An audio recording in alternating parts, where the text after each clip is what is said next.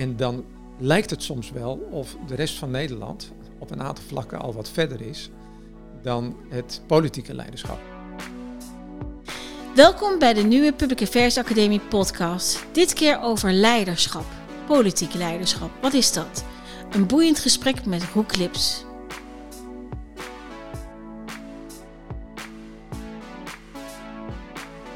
Lips, ontzettend fijn dat we vandaag bij jou mogen zijn hier in Hilversum voor de Public Affairs uh, podcast. Ik uh, kwam jou op het spoor via het boek Wie kies je om te zijn? Gesprekken en gedachten over een nieuwe tijd. maar je hebt zoveel meer gedaan. Kun je kort iets over jezelf vertellen? Kort over mezelf. Ja. Ja, ja. Of langer. nee, nee, ik zal het heel kort proberen. Ik heb een. Uh, uh, dit, dit, is een boeiende vraag hè, van uh, wie, wie, je bent. Hè. Nou, het boek heet natuurlijk ook Wie kies je om te zijn. Ik zou ook nog, als zoals Kathleen Ferrier aangeeft, wie is je vader, wie is je moeder? Maar dat doen we even niet. Dat is een prachtige vraag die, prachtige vraag, die, stelt. Hè. Maar, dus, maar sinds ik daar. Ik, een tijdje terug had ik een gesprek met Joke Hermsen. En dat ging ook zo over de vraag van wie, wie ben je? Ehm, eh, daar in dat gesprek kwamen wij er ook op uit van dat we vooral vaak dan de dingen vertellen die helemaal geen antwoord geven op de vraag van wie je bent. Ja, ja. Want dan gaan we vertellen waar je vandaan komt. En, uh, wat je hebt gedaan. precies, en eigenlijk ben je dat niet. Ja, nee, wat je bent, dat is iets anders. Uh, maar goed, je vraagt nu wel een beetje naar mijn afkomst. Ja. Uh, ik, ik heb een, vooral een hele lange tijd in de media gewerkt. En eigenlijk doe ik dat nu weer opnieuw op een andere manier. Uh, uh, heel vroeger was ik een van de jongens van, uh, van Sonja Barend, hè, dus het programma Sonja, daar was ik bij betrokken. En toen ben ik daarna al snel in de directie van een van de omroepen terechtgekomen. En weer later heb ik een tijd bij de Raad van Bestuur van de publieke omroep ben ik verantwoordelijk geweest voor televisieprogrammering. En ook innovatie viel daar ook onder. En dat heb ik tot 2014 gedaan. ondertussen eigenlijk ook altijd andere dingen uh, blijven doen. Uh, in het verleden ook al eerder uh, andere boeken geschreven. theater geschreven. daar zit ook nog een stukje achtergrond. ook nog muziek. daar zit ook nog een stukje achtergrond. maar uiteindelijk in 2014 gestopt bij die, in die rol bij de Raad van Bestuur van de publieke omroep. En na een sabbatical ben ik toen met een, eigenlijk een heel nieuw bedrijf begonnen. Later bleek dat een bedrijf te zijn of te worden. Uh, en dat begon met een vraag van Alexander Klupping. Die uh, was toen aan het nadenken over de oprichting van Blendel. En de Universiteit van Nederland was hij mee bezig. En die, uh, die zocht een, een, mentor, zoals hij dat zei. En dat vond ik eigenlijk wel een mooie vraag. En ik ben toen ja, zijn mentor voor een poosje geworden. En dat zong zich een beetje rond. Dus er waren er snel al andere mensen die datzelfde gingen vragen. Van, joh, wil je niet met ons mee kijken, denken? En in eerste instantie waren dat vooral bij jonge start-ups en met bedrijven in de media. Maar al vrij snel eigenlijk breidde zich dat uit en werden dat ook besturen van ziekenhuizen, mensen uit het onderwijs, mensen bij het ministerie. ja, eigenlijk heel breed. En voordat ik het wist, had ik toen eigenlijk een bedrijf. En ja, waar, waar, gaat, waar ging dat over? Dat ging over leiderschapsontwikkeling, over strategie, over cultuur, dat soort vragen. En uh, uh, daar ben ik me toen verder in gaan ontwikkelen. En dat vond ik en hartstikke mooi. En tegelijkertijd viel mij ook wel op hoeveel verwarring er eigenlijk op heel veel van die plekken was. En juist op plekken waarvan ik soms ook wel eigenlijk had verwacht dat daar minder verwarring zou zijn. Ja. Van de publieke omroep begreep ik dat wel. Ik had zelf in de bestuurskamer van de publieke omroep uh, gezeten. En ja, daar snapte ik die verwarring wel in de zin van de Netflixen die erbij zijn gekomen, uh, YouTube die erbij is gekomen, waardoor iedere Nederlander tegenwoordig een complete omroep in zijn binnenzak heeft. Uh, dus daar snapte ik wel dat de mensen die daar rondlopen, waarvan ik er een was, toch wel soms in een enige staat van verwarring daar rondliepen. Over waar gaat het nou naartoe? En hoe moeten we ons nou verhouden tot al die ontwikkelingen? Maar bij het onderwijs en in de medische wereld had ik dat toch eigenlijk wat minder verwacht. En bij de ministeries eigenlijk al helemaal niet. Ik dacht, ik was toch wel een beetje in de veronderstelling, daar zitten toch echt wel de mensen die in ieder geval een beetje uh, weten waar het naartoe gaat.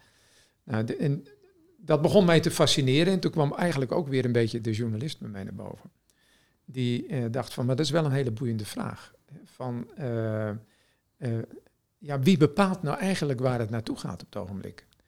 terwijl ik een beetje het gevoel kreeg van ja, die cockpit van dat vliegtuig waar we met z'n allen in zitten, die lijkt ook soms wel een beetje leeg als het om bepaalde vraagstukken gaat. En, uh, en toen was er Jan Rotmans, hoogleraar transitiekunde van de Erasmus in uh, Rotterdam. En die had toen zo'n mooi zinnetje van uh, we leven niet in een tijdperk van verandering, maar de verandering van tijdperk. En toen vond ik het helemaal fascinerend worden. Toen ik dat begon tot me door dringen. Toen in eerste instantie dacht ik, ja, klopt dat wel? En heeft elke generatie niet dat gevoel, dat idee, hè, dat we in een tijdperk van, of een verandering van tijdperk zitten? Maar later dacht ik van, maar stel dat dat klopt. En stel dat we inderdaad in een soort kanteltijd zitten. Wat vraagt het dan van ons en van ons leiderschap en van onze persoonlijke ontwikkeling? Uh, en hoe doen we dat dan in een tijd hè, waarvan je zou kunnen zeggen dat niets meer vanzelfsprekend is? En inmiddels, uh, ik heb veel gesprekken nu met mensen gevoerd, kom ik steeds meer tot die conclusie. Hè, van we leven in een tijd dat niets meer vanzelfsprekend is. Ja, en dat, je vraagt naar mijn achtergrond, ja, dat is inmiddels een heel project geworden. Uh, een volledig uit de hand gelopen project. Waar ik in, gisteren heb ik even gekeken, inmiddels met meer dan 140 mensen. Zo over in gesprek ben gegaan. En alles heb ik met camera opgenomen. Dus toch weer een beetje mijn oude vak eigenlijk. En van tijd tot tijd publiceer ik daar wat over. Uh, van tijd tot tijd publiceer ik daarover in een dagblad Trouw. En, uh, en sinds kort is er een, uh, een, boek dan ook waar een aantal van die inzichten inmiddels verzameld zijn. Ja. En het, en het smaakt vooral naar, naar meer, meer, om daarmee door te gaan. Ja. En ondertussen, de, ehm, met al die inzichten die ik dan zo meekrijg en die ik dan ook weer zelf verwerk en nou weer verder in ontwikkel. Ja, daar geef ik tegenwoordig ook veel uh, lezingen mee en ga met bedrijven, organisaties of mensen die het leuk vinden om daar naartoe te komen. Ook weer verder over in gesprek. En dat, is, uh, ja, dat maakt het ook heel mooi om, om te mogen doen. Mooi, mooi. Het is dus echt op de goede plek waar we zijn om te praten ook over politiek leiderschap, denk ik. Um, voordat we eigenlijk naar je, als je dat goed vindt, naar je boek gaan kijken enzovoort, waar dit soort thema's ook ja, direct en indirect aan de orde komen. Um, ik vraag altijd aan mijn gasten, wat valt je op in de actualiteit? Ik hoor jouw termen als verwarring zetten. Ik denk, nou, we kunnen alleen al een podcast over die actualiteit wellicht uh, invullen. Maar wat valt je op als je met de ruim 140 gesprekken die je hebt gevoerd met leiders, om maar zo te zeggen, of over leiderschap. Uh, wat valt je op dan nu in de actualiteit? Nou, wat me nu opvalt in de actualiteit is datgene wat al een hele tijd aan de gang is, als je goed kijkt. Uh, dat er echt daadwerkelijk iets aan het veranderen is. We hoeven alleen maar het begrip autoriteit bijvoorbeeld er even uit te lichten. Dat het begrip autoriteit echt niet meer hetzelfde is als 20 of 30 jaar geleden. En wat me nu opvalt aan de, eh, aan de, aan de actualiteit, is dat dat veel zichtbaarder aan het worden is de laatste tijd. En dat gaat in een rap tempo.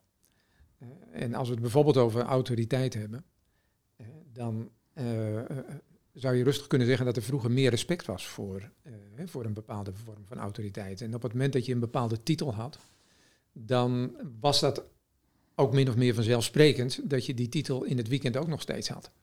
Een hoogleraar op de universiteit was in het voetbalveld, was die ook nog steeds hoogleraar. Nou, dat is een mooi voorbeeld hè, van hoe, je, hoe dat echt aan het veranderen is. Uh, hè, want in het weekend ben je, hè, of zelfs op de drempel van de universiteit, is je functie zeg maar al aan het vervagen.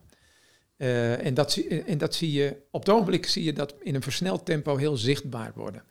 en ik denk dat, dat de, het ter discussie stellen van de bestaande autoriteit iets is waar we nu in de actualiteit heel erg mee geconfronteerd worden. En, en dat heeft verschillende kanten. Je kan dus zeggen van het is mooi hè, dat, ja, dat daar op die manier dat dingen niet meer vanzelfsprekend zijn. En dat betekent dat leiderschap zich ook op een andere manier moet bewijzen. Uh, om serieus genomen te worden. Dat heeft een hele mooie kant. Maar het heeft ook een andere kant. Hè. Als je, uh, nou, komende zaterdag heb ik een, uh, een verhaal met Marjolein Moorman in Dagblad Trouw, de Amsterdamse wethouder. En onderdeel van dat uh, verhaal is onder andere over het ongelooflijk snelle tempo waarin het vertrouwen aan het dalen is in overheid en politiek. Zij noemde daarbij het getal van dat het gezakt is onder de 30% nog. Hè, door de Nederlandse Gigantisch, hè? Ja. Van de gezakt is naar 29%. wat uh, gigantisch laag is Nou. natuurlijk. En, eh, en dat is wel de keerzijde ook daarvan. Hè, dus eh, eh, als jij mij vraagt wat valt me op in de actualiteit, nou, dat dat op het ogenblik heel erg zichtbaar aan het worden is. Ja. Ho- Hoe kijk je dan ook naar het politieke debat als je die met die bril daarnaar kijkt? We zien allerlei eh, pittige debatten in de Tweede Kamer, laat ik ze zo formuleren. Hoe kijk je daar dan naar? Nou, eh, kijk, wat ik met.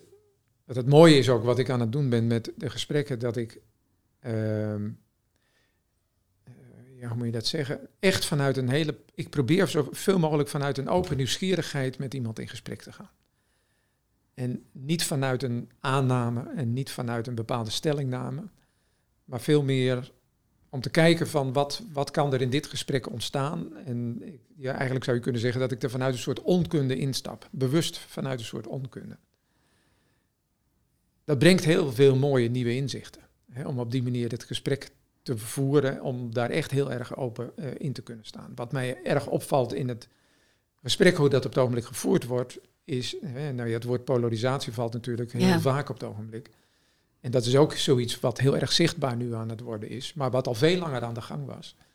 Hè, We hebben met elkaar onszelf in een soort cultuur gebracht, hè, waar we eigenlijk het debat zo'n beetje als de enige vorm van gesprek zijn gaan zien.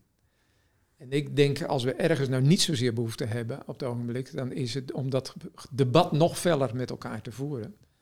Ik denk dat het heel mooi is om juist nu een, in de hectiek van alles wat er nu op ons afkomt en wat er speelt, dat het juist zo mooi is om eens even een stap terug te doen. En eens even van wat meer afstand te kijken eh, naar wat gebeurt hier nu. En ik denk dat je dan ook hele andere patronen gaat waarnemen. In de dynamiek van wat er op, op het ogenblik op ons afkomt.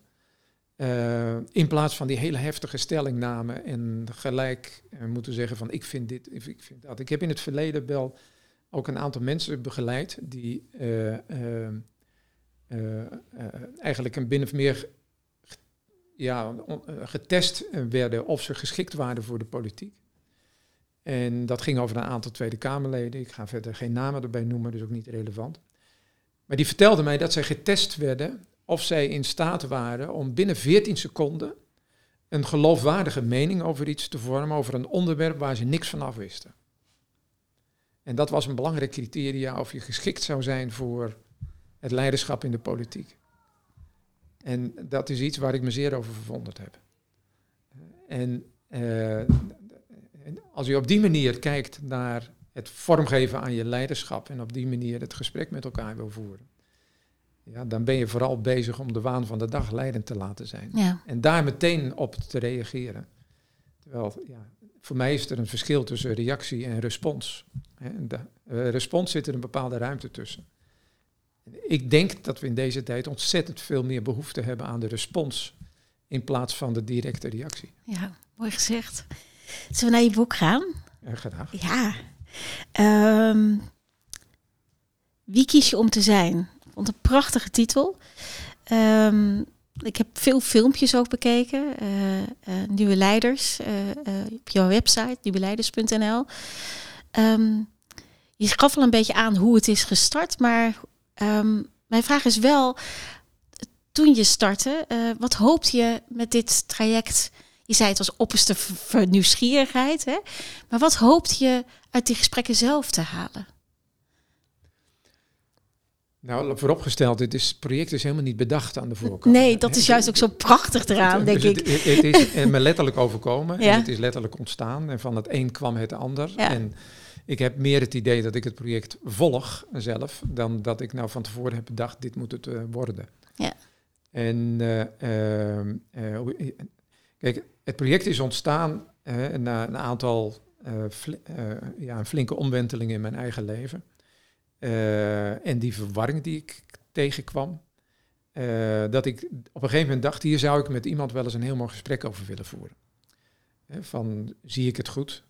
Eh, en de, klopt, de kloppen de vragen die ik mezelf nu stel op dit moment. En, en met name ook rond dat perspectief van leiderschap. En ik, ik was op zoek naar iemand waarvan ik dacht van nee, die kan gewoon echt uit levenservaring hierover praten. Niet zozeer iemand die, die toevallig veel boeken heeft gelezen. en daar enthousiast over kan vertellen, maar iemand die het echt van binnenuit kan, ja, kan vertellen. En verschillende mensen hadden toen tegen mij gezegd van jij zou eens een keer met Paul de Blot moeten praten. Even los van dit project, want dat bestond toen nog helemaal niet. Dus toen dacht en Paul de Blot, dat was de oudste hoogleraar van Nijrode. Hij was toen de eerste keer dat ik hem sprak, was hij al 94 jaar. Hij is uiteindelijk 95 geworden. En, uh, uh, en ik stuurde om die reden Paul de Blot een mailtje van, uh, geachte heer de Blot, zou u een keer met mij in gesprek willen? Zo, zo, daar is het begonnen. En ik kreeg diezelfde middag een mailtje terug dat ik, dat ik welkom was. Herinnering. Niet geheugen. Het geheugen is verstandelijk, herinnering is in je hart. En meestal waren in herinneringen de rotsituaties. En daarmee komen we nooit tot rust. En Paul de Blot is iemand met een gigantische levenservaring heeft. Uh, uh, en met zijn, uh, inmiddels toen 94 jaar had, jaren in concentratiekamp gezeten en jaarlang in een dodencel gezeten. Uh, een aantal keren ontslagen geweest in zijn leven. Nou, allemaal dingen waar mensen zeggen, nou één keer zo'n ervaring, dat is meer dan genoeg. Nou, hij had ze allemaal bij elkaar op. En toch iemand die nog steeds begeisterd in het leven uh, stond. En daar met groot enthousiasme over kon vertellen. En nog steeds college gaf. waar ook heel veel mensen op afkwamen. Dus dat vond ik zo fascinerend. En waarom weet ik nog steeds niet. Ik, en dat, ik kan dat ook niet meer terugdraaien voor mezelf. maar ik had na die afspraak met Paul de Blot had ik een, toevallig een fototoestel in mijn tas zitten. Uh, waar je ook mooi video mee kon opnemen. En waarom ik die in mijn tas had gestopt, ik weet het niet, maar hij zat in mijn tas. En na tien minuten zaten wij in zo'n mooi gesprek dat ik toen heb gevraagd aan hem van, uh, ik mocht inmiddels Paul zeggen, beste Paul, uh, we zitten in zo'n mooi gesprek, vind je het goed dat ik het opneem? En ik heb toen, dat vond hij goed, dus ik heb toen dat fototoestel, heel provisorisch een beetje op de bar in een soort keukentje waar we zaten. heb ik op die bar gezet en op hem gericht en zo dat gesprek opgenomen. En daar heb ik toen maanden eigenlijk niks mee gedaan, totdat een vriend aan mij vroeg van zou ik daar een keer een stukje van mogen zien. En uh, uh, ja, ik had zoiets van ja, waarom ook niet. En, uh, dus die heb ik toen een stukje laten zien. En die zei toen tegen mij, joh, hier moet je wat meer mee doen. En dat, in eerste instantie heb ik dat afgehouden. En ik denk, ja, dat is mijn oude vak en dat doe ik niet meer. Maar die bleef aandringen. En, uh, ja, en zo is dat eigenlijk ontstaan. En toen ben ik nog een keer weer teruggegaan naar Paul de Blot. Met of ik nog eens een keer verder met hem mocht praten. En dat zijn uiteindelijk uh, zes prachtige, lange gesprekken geworden, die ik allemaal heb mogen opnemen. En ondertussen kreeg ik een beetje de smaak te pakken. En vond ik het zo boeiend worden om over deze vragen, over die existentiële vragen eigenlijk, met mensen in gesprek gegaan, dat ik toen meer mensen ben gaan benaderen van, zou ik eens langs mogen komen? En ja, die camera die ging mee en ik kreeg daar weer steeds meer lol in. Nou ja, en de rest is geschiedenis, hè, zeggen ze dan. En dan, het resultaat is een prachtig boek. Uh, ik heb hem nog niet helemaal uit, heel eerlijk, maar ben uh, redelijk gevorderd. Um, en uh, wat je zei, hè, in trouw schrijf je regelmatig en prachtige filmpjes. Um, wat mij opviel was eigenlijk de eerste, ik moet even erbij pakken, je eerste deel. heeft een prachtige titel. ik moet dan even de bril erbij opzetten. Um, hoe laat is het op de klok van de wereld? Ja. Um, prachtige gesprekken. Um, hoe laat is het op de klok van de wereld volgens jou? Als je daarop terug reflecteert, op die gesprekken. Uh, nou, het is op het ogenblik natuurlijk. Uh, je hoort het vaker van dat het vijf voor twaalf is. Maar ik denk dat we inderdaad dat het inmiddels wel inderdaad vijf voor twaalf geworden is rond een aantal vraagstukken. En, uh, en dat het echt ook tijd is dat er een andere richting ingeslagen wordt. Uh, waar, heel veel, waar we ook nog niet goed weten van hoe we dat moeten doen. En uh, hoe we dat ook doen op een manier dat voldoende mensen daar ook in mee willen gaan.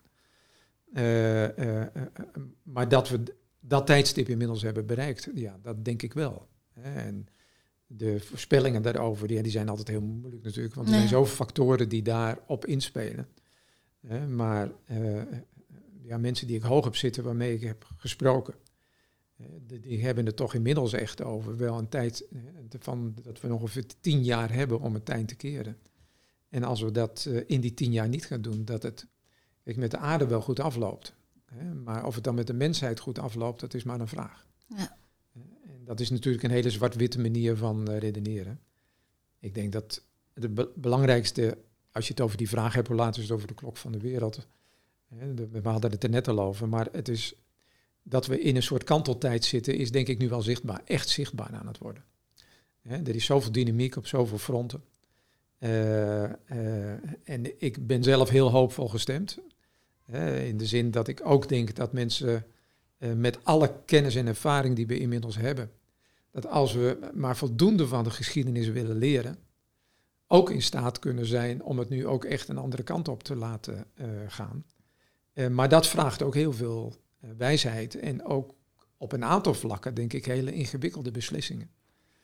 In de zin dat om echt het tij op een aantal fronten te keren, ja, zal ook offers vragen, zeg maar, van mensen die, ja, die we van onszelf meestal niet zo bereid zijn om te brengen. Dus dat vraagt een aantal hele impopulaire beslissingen en waar, en dat maakt het ingewikkelde, denk ik, van deze tijd. Dat die vragen, hè, of die crisis, op zoveel vlakken tegelijkertijd op het ogenblik zijn, dat dat het wel heel lastig maakt om van hoe gaan we die keuzes dan met elkaar maken. We hadden het net over het dalende vertrouwen in de politiek en in de overheid. Terwijl dat natuurlijk juist een heel belangrijk platform is, waar uh, een aantal van die beslissingen in ieder geval genomen zullen moeten gaan worden. Nou, als, dan, dan merk je al van, van daar wordt die, in, daar wordt die echt ingewikkeld uh, de komende tijd. Tegelijkertijd Hè, wat ik ook wel inmiddels geleerd heb. Eh, eh, ja, van nature willen mensen liever niet veranderen. Maar op het moment dat de overleving voldoende in het gedrang komt, dus de druk voldoende groot wordt, ja, dan komt die veranderingsbereidheid, die, komt, die ontwikkelt zich ook daar wel weer. Hè. Dus uh, het is ook een beetje wachten, denk ik. Uh, en ik wil daarmee niet zeggen dat we moeten afwachten. Hè, want ondertussen denk ik dat we vooral heel veel moeten doen. En tegelijkertijd is het ook wachten tot het groeien van die veranderingsbereidheid, wat we nu op een aantal terreinen al wel zien. Uh, maar als je het over de politiek hebt, ja, daar is nog wel een wereld te winnen, denk ik. En wat is volgens jou politiek leiderschap dan in dit spectrum? Ja, dat is een ongelooflijk brede, brede vraag. nou, je zei net al wijsheid en je zei het lef om uh, moeilijke beslissingen te kunnen nemen, uh, terug kunnen kijken. Je noemt al een paar belangrijke aspecten, denk ik. Ter, maar kun je daar, is dat genoeg, ook voor politiek leiderschap? Nou, ik denk dat, uh, kijk, het is heel lastig om, uh, om daar een soort containerbegrip nee, van te maken. Nee, en ik vraag je ook geen definitie te geven, maar meer vanuit de gesprekken wat je hebt opgenomen. Ja, zeg ik denk dat ik heb dan veel liever over bepaalde aspecten. Hè. een, een interessant aspect is op het ogenblik verantwoordelijkheid bijvoorbeeld. Als het over leiderschap gaat, maar ook als het over politiek leiderschap gaat. En dan lijkt het soms wel of de rest van Nederland op een aantal vlakken al wat verder is dan het politieke leiderschap. En daar, geef ik graag een voorbeeld van. Uh, bijvoorbeeld de toeslagenaffaire, uh, of het toeslagenschandaal, voor je dat zou willen noemen. Wat je dan ziet is dat er, als het over politieke leiderschap gaat, er nog behoorlijk wat mensen zijn die zeggen, ja, weet je, het is niet mijn portefeuille, dus ik ga er niet over. Nou, dat is een oude opvatting van verantwoordelijkheid. Ik denk dat Nederland daar veel, de, gemiddelde Nederlander daar veel verder in is. Die heeft zoiets van, ja, je gaat er misschien wel niet over, maar wij vinden wel dat je er ook verantwoordelijk voor bent. En dat is een hele boeiende. Hè? Het politieke leiders, het oude politieke leiderschap denkt heel erg in silo's en in portefeuilles. En, uh, en dat is iets, denk ik, waar we ook in mogen gaan veranderen. En verantwoordelijkheid veel meer naar een gezamenlijke verantwoordelijkheid uh, toe moeten. Ik denk dat die cruciaal is voor het politieke leiderschap op het ogenblik. van ga ik me ook verantwoordelijk voelen voor datgene waar ik niet verantwoordelijk ben. Dat is een tendens die je in de samenleving al echt verder zich ziet ontwikkelen. Een ander voorbeeld is natuurlijk Shell, hè, waar we zelfs hebben gezien dat uh, door de rechtbank Shell nu is aansprakelijk wordt gesteld voor datgene waarvan ze zelf zeggen Uh, van daar zijn we misschien niet direct verantwoordelijk voor. En de rechtbank zegt inmiddels ja. Ook voor de indirecte gevolgen van de producten die jullie ontwikkelen, daar ben je wel verantwoordelijk voor. Of daar houden we je verantwoordelijk voor. Nou, ik denk dat dat een ontwikkeling is die we veel meer zullen gaan zien in de toekomst. Bij allerlei bedrijven en organisaties, maar dus ook bij de politiek. dus dat je ook verantwoordelijk wordt gehouden voor datgene waar je misschien niet direct verantwoordelijk voor bent. En dan gaat het over, uh, ook over uh, uh, de sociale omgang met mensen. Dan gaat het over het hoge burn-out percentage. We kunnen niet maar oneindig door blijven gaan om steeds meer van mensen te vragen en zeggen van ja, dat mensen burn-out raken, ja, dan ga, dat is een verantwoordelijkheid van iemand zelf. Dus nee, mensen hebben op een bepaalde manier daarin ook een soort begrenzing nodig. Ja. En dat is een, waar die verantwoordelijkheid denk ik over gaat. En dan kom je al, al snel ook op het begrip moraliteit. Wat ik op het ogenblik, zeker als het over politieke leiderschap gaat, een heel belangrijk begrip uh, begint te vinden. Uh, hè, dat moraliteit, daar, bij sommige mensen is dat er al gauw een beetje een bijsmaakje aan. Hè, zo van uh, moraalridder en daar wordt er... Vinden we in Nederland ook soms best ingewikkeld. Ja, hè, en dan gaan we daar een beetje ingewikkeld over lopen doen. En ik denk dat, dat er echt behoefte is op het ogenblik aan een nieuw soort moraliteit. En waar mensen weer veel meer echt gaan staan voor ook het afgrenzen van, hè, van tot hier en niet verder. En ophouden met die, die eeuwig neutraliteitshouding en alles moet kunnen. En hè, je ziet dat bijvoorbeeld heel erg op het gebied van vrijheid van meningsuiting. dat, eh, ik was toch behoorlijk onthutst dat een rechter mij vertelde, uh, dus iemand van de rechtbank Amsterdam, dat hij daar niet mee uit de voeten meer kon. Hè, met sociale media. En zegt, ja, mensen die. Ik kan mensen niks geven vanuit de, de rechterlijke macht. Wij staan hier met lege handen. Nou, dat vond ik echt onthutsend om te horen vanuit de, de, de, rechterlijke macht die zegt van, ja, daarin daar hebben wij eigenlijk geen middelen om mensen hier goed te kunnen beschermen, hè, wat via de sociale media allemaal over je heen kan worden uitgestort. Nou, dat vraagt denk ik om een nieuwe moraliteit. Dat vraagt om een andere houding om ook te durven zeggen, ja, en er is ook een grens aan wat je tegen een ander mag zeggen.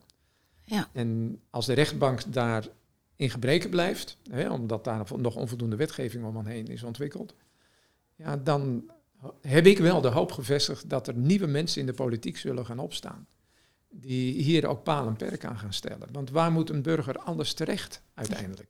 Zie je die nieuwe mensen in de politiek? Ja, ik zie ze, ik, ik, zie ze zeker. En ik zie ook hoe lastig het is voor mensen om daarin te gaan staan. omdat een van de, de keerzijden waar we op het ogenblik erg mee te maken hebben, en, en dat geldt denk ik heel erg voor politiek leiderschap, dat is de afrekencultuur waarin we met elkaar in terecht gekomen zijn. En dat hebben we ook zelf gecreëerd. als je het hebt over dat, ja, ik vind dat een hele boeiende die ik in de, alle gesprekken ook meeneem. Aan de ene kant is er een soort roep gekomen om een soort leiderschap wat onkreukbaar is, onfeilbaar is, uh, waarin we eigenlijk het onmogelijke van mensen verwachten. En aan de andere kant willen we ook een soort mensen op die positie hebben, waar zodra daar een, kantje aan zit, zeg maar, wat niet helemaal uh, uh, correct is, dan rekenen we dat gelijk af. Nou ja, daar wordt een soort, dat noem ik dan de afrekencultuur, daar wordt een soort uh, onmogelijke context geschapen. In, denk ik, in Nederland hebben we daar op het ogenblik heel erg mee te maken. Dat ik me wel eens afvraag, ja, wie heeft er nog zin ja. om op dat soort plekken uh, echt een leiderschapspositie in te nemen. En ze zijn er wel, dat weet ik. Ik, ik, ik praat ook zeker met mensen die daar uh, toe gerekend zouden kunnen worden. maar het zijn ook vaak mensen die inmiddels uit de politiek zijn gestapt. En inmiddels andere dingen gaan doen. En dan denk ik van, joh, nu zou je, hè, dan hebben ze jaren in de politiek meegedraaid. Dan denk ik, ja, nu zou je op die plek moeten zitten. Maar dan zeg ik, ja, daar heb ik toch echt geen zin meer in. En dat vind ik doodzonde. Dus dat heeft te maken met die cultuur die er is gecreëerd. Waarin we, denk ik, veel te hard mensen afrekenen. En eh, daar worden ook wel dingen verward, volgens mij. dat... ehm, En verward in welke zin? nou ja, Marjolein Moorman, die, die, eh, Ja. met, wie ik dan eh, zaterdag dat gesprek in, in, in Trouw heb, die zei dat mooie. de- er zit een, een verwarring op, op verantwoordelijkheid en schuld. Dat je verantwoordelijk bent, wil nog niet zeggen dat je schuld hebt. Of iets. Nou, ik denk dat dat het heel goed Dat is samenvat. een mooie samenvatting, absoluut. Ja. Ja. Als je kijkt hè, naar het, het, eh, het politieke debat, om maar zo te zeggen, ehm, die wordt natuurlijk ook gevoed door organisaties, bedrijven, ehm, die ook hun belang op de agenda willen zetten vanuit hun eigen ja, positionering, vanuit hun eigen standpunt, misschien wel vanuit hun eigen leiderschap, heel nadrukkelijk. Ehm, in hoeverre zie je dat dat politieke leiderschap eigenlijk een heel ander soort van leiderschap is dan voor mij part het leiderschap wat nodig is in een maatschappelijke organisatie? Ik weet niet of daar zoveel verschil Nee. tussen zit. Dat was een beetje mijn vraag ook inderdaad. Nee, ik denk dat. eh, we, we hadden het net over het, hoe dat begrip autoriteit aan het veranderen is.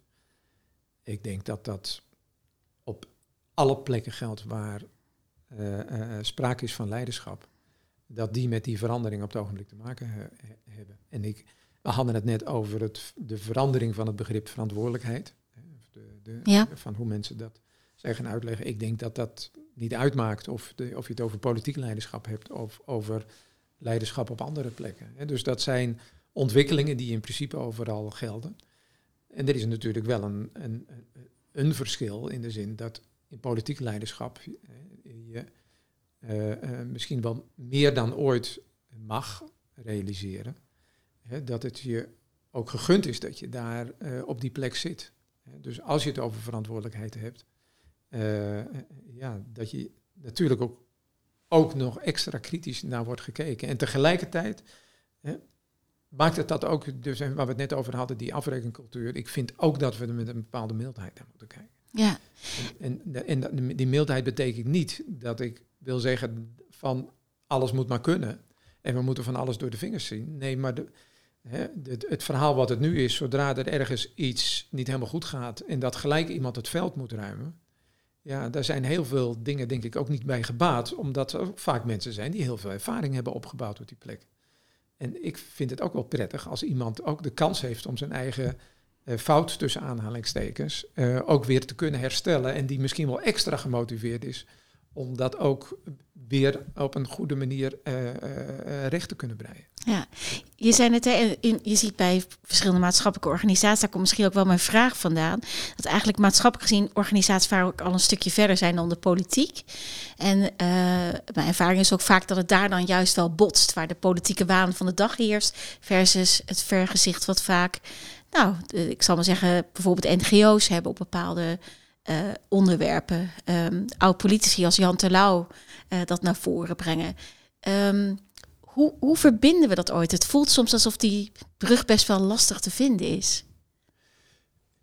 Ja, ja nee, ze- zeker. Die, eh, dat, herken ik ook. En ik denk dat een van de vragen, maar dat is, dat is tegelijkertijd zeg ik, een hele complexe vraag, is de, de vraag of in hoeverre ons politieke systeem daarop nog voldoende aansluit. Hè, Wat ik ingewikkeld vind in ons huidige politieke systeem. En eh, laat ik alleen maar kijken naar mijn eigen stemgedrag. Eh, hè, wat ik eh, lastig vind, is de toch relatief korte termijn dat iemand hè, verbonden is aan, aan de landelijke politiek. En, en nog even los van de versnippering die we op het ogenblik zien in allerlei kleine Ja. partijtjes, hè, die het per definitie veel minder bestuurbaar maken. Maar de korte termijn en dat, eh, als je het hebt over de, de grote vraagstukken van deze tijd, dat vraagt echt visie voor de langere termijn. eh, en visie op de lange termijn. Eh, ja, die, en nu zitten we toch in een systeem dat je binnen, binnen een paar jaar ben je je alweer de druk aan het maken of je weer herkozen wordt voor de volgende, voor de volgende plek. Ja, dat, dat, dat, dat dwingt ons zo naar zo'n korte termijn aanpak, zeg maar, in plaats van die langere termijn visie die veel meer nodig is. Ja, daar staat het denk ik heel erg op, op gespannen voet, want die maatschappelijke organisaties zijn voor een belangrijk deel wel met die langere termijn Ja. bezig. Ja. Dus En er ervaren soms een enorm onbegrip in het Haagse. ja, waarom, nou ja, de- alleen al de oproep van waarom duurt de formatie zo lang? Ja, die zoomt vooral in op alle uitdagingen die er liggen voor nu en voor overmorgen en nog ver na overmorgen. Ja. Dus dat voel je aan alle kanten. Ja. Ehm, als je Rutte, die straks een nieuw kabinet gaat leiden, een advies zou mee, mee mogen geven. Indachtig de gesprekken die jij hebt gevoerd, met wie moet hij dan eens gaan praten? Laat ik het dan zo zeggen. Het is lastig, het is een beetje kill your darlings, maar Ja. Ja. Ja, ik... ik nee, nee, dit is geen... Niet als flauw antwoord bedoeld. Ik, hij zou met iedereen moeten gaan praten. Eh, en wat ik juist heb gemerkt is dat het zo verrijkend is om vanuit verschillende perspectieven te kijken. En juist ook de mensen waar je het soms helemaal niet verwacht. Dat, dat je daar de inzichten vandaan kan halen. wat kan je een beetje een spectrum schetsen voor onze luisteraars? Wie, nou niet in naam, maar wie je ongeveer hebt. Je hebt oud-politici gesproken, je hebt artsen gesproken, wetenschappers gesproken. kunstenaars, eh, sporters. eh, ja, het, het- vanuit de meest uiteenlopende perspectieven. En in het boek nou, er zijn ongeveer, komen ongeveer 53 perspectieven terug. Eh, maar het project dat loopt verder door en inmiddels heb ik dus veel meer mensen gesproken. Maar eh, laat ik een voorbeeld, een voorbeeld noemen. Hij staat, dan, hij staat niet in het boek. Eh, op een gegeven moment wilde ik heel graag het perspectief ook hebben van iemand die echt zwaar verslaafd is. Waarom wist ik niet, maar ik had zoiets, ik wil dat graag eens een keer met iemand die echt, echt zwaar verslaafd is. En ja, dan denk je al snel aan een junk die ergens dakloos eh, leeft. Dus ik ben op zoek gegaan of ik in contact kon komen met een, een junk. En, uiteindelijk via via, eh, die zei van nou, als je nou zo laat in dat parkje echt ergens achteraf in Amsterdam bent, dan als je mazzel hebt, dan is die daar. En eh, eh, ik ben daar op een gegeven moment heen gegaan. En had mijn camera gewoon midden in dat parkje opgesteld. En op een gegeven moment inderdaad kwam een man die voldeed aan die beschrijvingen. En eh, die bleek al meer dan 30 jaar aan de heroïne verslaafd te zijn. En leefde van het stelen van dingen en, en om die manier zijn verslaving in stand te houden. Hij had geen tand meer in zijn mond. En ik vroeg hem of eh, hij mee wilde werken. Nou, na, na, na, het- na verloop van tijd was het ijs een beetje gebroken. En hij zei, oké, ik doe mee. Dus ik heb die camera aangezet. En het begin van het gesprek, het leek echt helemaal nergens op. Ik kon hem eigenlijk nauwelijks verstaan ook. Omdat, door die tanden die hij niet Ja. in zijn mond had. En, en, toch wilde ik tot die essentie komen. En ik, op een gegeven moment stelde ik een vraag. Joh, ja, ik wil zo graag begrijpen wat, hoe, waar gaat het nou over als je echt verslaafd bent? Hè? Hoe komt dat? En toen was hij even stil en toen zei hij op een gegeven moment, keek me aan en hij zegt, ja, volgens mij als je verslaafd bent, probeer je niets te zijn. Maar daar gaat het niet over hè, in het leven.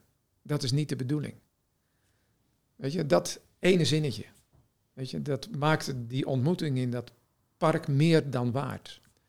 Dat ene zinnetje deed mij ineens begrijpen waar gaat het, waar gaat het over bij. Dat, als je verslaafd bent, probeer je dus even niets te zijn. Ja. En wat zegt dat over mensen? Dit, ik denk, nou, dit zou heel mooi zijn om Rutte een keer met zo iemand ook het gesprek te laten voeren. Hoe ongemakkelijk dat ook is en ongemakkelijk dat ook lijkt. Maar om aan te geven van hoe belangrijk juist al die verschillende perspectieven zijn. En hoe meer verschillende perspectieven ik spreek, dat klinkt heel paradoxaal, en dat is het misschien ook wel, hoe minder ik het ook begrijp. En tegelijkertijd hoe rijker ik me voel. En die twee die gaan ongelooflijk goed samen. Dus in plaats van dat de verwarring minder wordt, wordt de verwarring op een bepaalde manier ook groter. Ja. Maar ook rijker. En rijker, kan je het uitleggen wat het voor jou rijker maakt? Wat maakt het voor jou rijker om al die verschillende perspectieven, die prachtige gesprekken te kunnen voeren? Wat, wat maakt dat voor jou als mens rijker of in je werk? Of... Nou ja, het, het, het, het vanuit veel meer verschillende perspectieven eh, Kunnen eh, kunnen denken en je wat anders bij kunnen voorstellen. Het gaat ook over, hè, als het over empathisch vermogen gaat, je op een andere manier kunnen verplaatsen in dingen. Maar als je het, weer even het bruggetje maakt naar politiek leiderschap. Eh, de, een van de dingen die, die raakt hier heel erg aan. Eh, wat ik kwam daarvoor in een gesprek met, uh, met Geert Thijsman. Geert Thijsman is uh, bestuurkundige en is gespecialiseerd in het omgaan met complexiteit. En die vertelde mij ook, hij zegt, ja weet je, de oude opvatting van omgaan met complexiteit en leiding geven aan de complexe situatie, is die je moet het vereenvoudigen. Je moet het simpel maken. En zeg maar, we zijn er ook achter gekomen van dat werkt dus niet. Mensen die denken dat je op die manier met complexiteit tot oplossingen kunt komen, die zijn allemaal van de koude kermis thuisgekomen. Zeg, mijn opvatting is nu een heel andere. Als je leiding wil geven aan complexiteit, moet je het tegenovergestelde doen. Je moet het eerst veel complexer gaan maken. En uh, ik zeg, maar wat bedoel je daarmee? Hij zegt, nou, op het moment dat je het complexer maakt, hè, dus als waar je 100 belanghebbenden om de tafel hebt, moet je zeggen, ja, maar hier moeten waarschijnlijk 150 belanghebbenden aan tafel komen. Hij zegt, er gebeuren een paar dingen. Hij zegt, en de urgentie wordt groter, want mensen voelen ook hè, van hoeveel verschillende belangen er zijn. En krijgen een soort wanhoop over zich van hoe gaan we hier ooit uitkomen. En daarmee wordt je urgentie groter om tot een oplossing te komen. Die door meer mensen wordt gedeeld. Maar het andere is hè, dat door het nog verder uh, verzamelen van andere perspectieven, andere belanghebbende perspectieven, wordt je oplossingsruimte ook groter. Nou, dat duidt het denk ik ook een beetje. Hè. Dus het is, die twee die gaan samen. Hè. Dus ik denk dat een belangrijke uh, uh, risico van de tijd waar we nu leven, is juist in de neiging tot simplificatie. Hè, om de grote vraagstukken die er zijn, tot zogenaamd heldere, compacte vragen terug te brengen. Ja, en mensen die de neiging hebben om dat te doen, en ik hoef geen namen te noemen, de, de, de, zeer de neiging hebben om dat te doen, uh, ja, die, die, dat is eigenlijk heel gevaarlijk. En die zullen het alleen maar ingewikkelder gaan maken eigenlijk. Dus de, het is een mooie oproep. Laten we het vooral complexer gaan maken en ook verwarrender gaan maken met elkaar. Dan worden we ook wat rijker met elkaar. In, in het vertrouwen dat daar echt de oplossingen uit gaan, uit gaan komen. Ja. Dankjewel. Um, we sluiten altijd af met een vraag aan onze gast van wat zou je iemand, onze luisteraars, aanraden om te lezen, te beluisteren, te bekijken?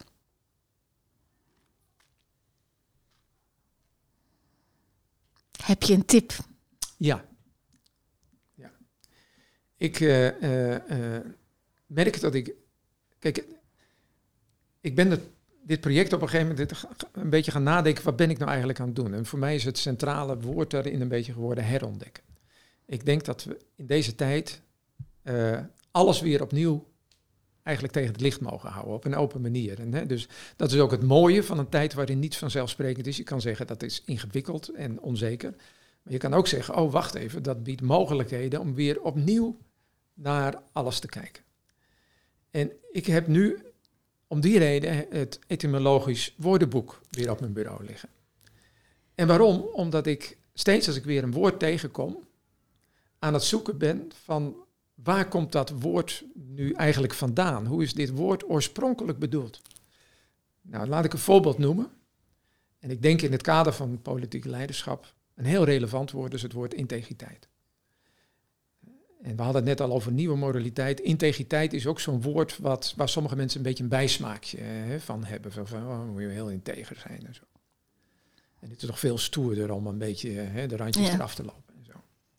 En toen ben ik gaan zoeken waar komt het woord integriteit vandaan. Het woord integriteit is afgeleid van het Latijnse, van het Latijnse woord. En betekent eigenlijk heel maken.